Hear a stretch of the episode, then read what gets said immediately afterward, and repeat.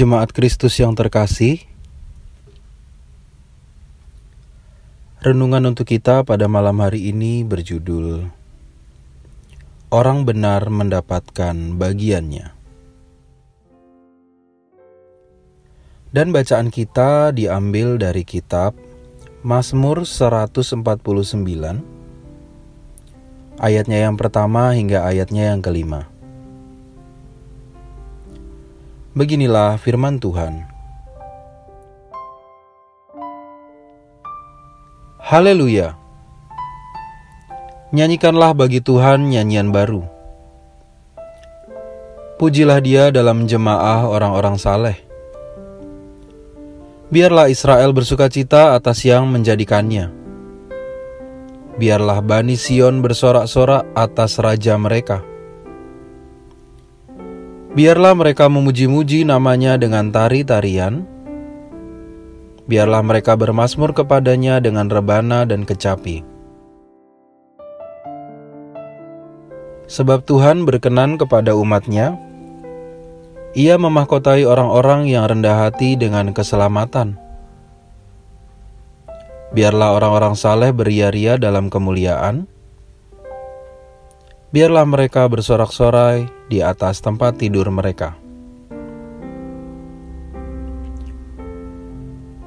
Cara hidup individualis semakin hari semakin dianggap hal biasa dan lumrah.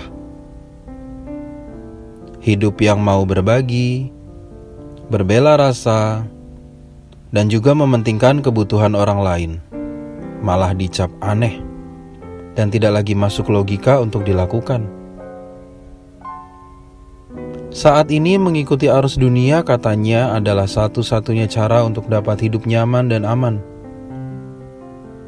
Nilai hidup yang memperjuangkan kebenaran, menghargai, dan berbagi sudah jarang kita temui. Contohnya dapat kita lihat pada saat awal-awal pandemi Bukankah banyak orang yang memanfaatkan malapetaka ini untuk mengeruk keuntungan pribadi dengan menimbun masker dan hand sanitizer? Bukankah banyak juga orang yang memborong beberapa bahan makanan sehingga harga-harga menjadi naik dan juga banyak orang tidak mendapat bagian bahan makanan saat masuk masa lockdown? Seharusnya ini menjadi keprihatinan bagi kita Terlebih bila ternyata ada orang Kristen yang juga ikut dalam tindakan itu. Semoga hal tersebut tidak terulang. Lalu, apakah orang yang benar di hadapan Allah akan tidak mendapatkan bagian dari dunia ini? Jawabannya tentu tidak. Apa yang kita baca pada hari ini menunjukkan hal tersebut.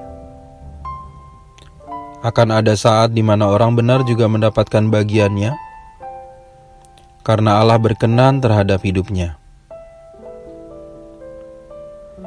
Oleh karena itu, jangan mudah tergoda untuk mengikuti arus dunia ini. Tetaplah tegar dan teguh memegang perintah Allah. Apabila nanti Tuhan sudah mencurahkan berkat kepada orang-orang yang berkenan kepadanya, kita tidak menjadi menyesal karena telah meninggalkan Allah. Jangan silau dengan apa yang ditawarkan dunia, sebab itu semua hanya sementara. Percayalah pada bagian yang sudah disediakan Allah bagi kita. Itu yang lebih tepat untuk hidup kita.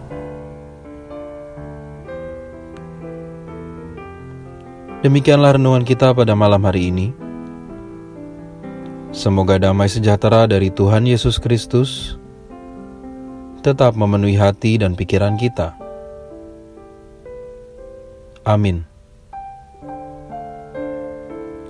Jemaat yang terkasih, mari kita bersatu hati menaikkan pokok-pokok doa yang ada dalam gerakan doa 21 GKI Sarua Indah. Mari kita berdoa.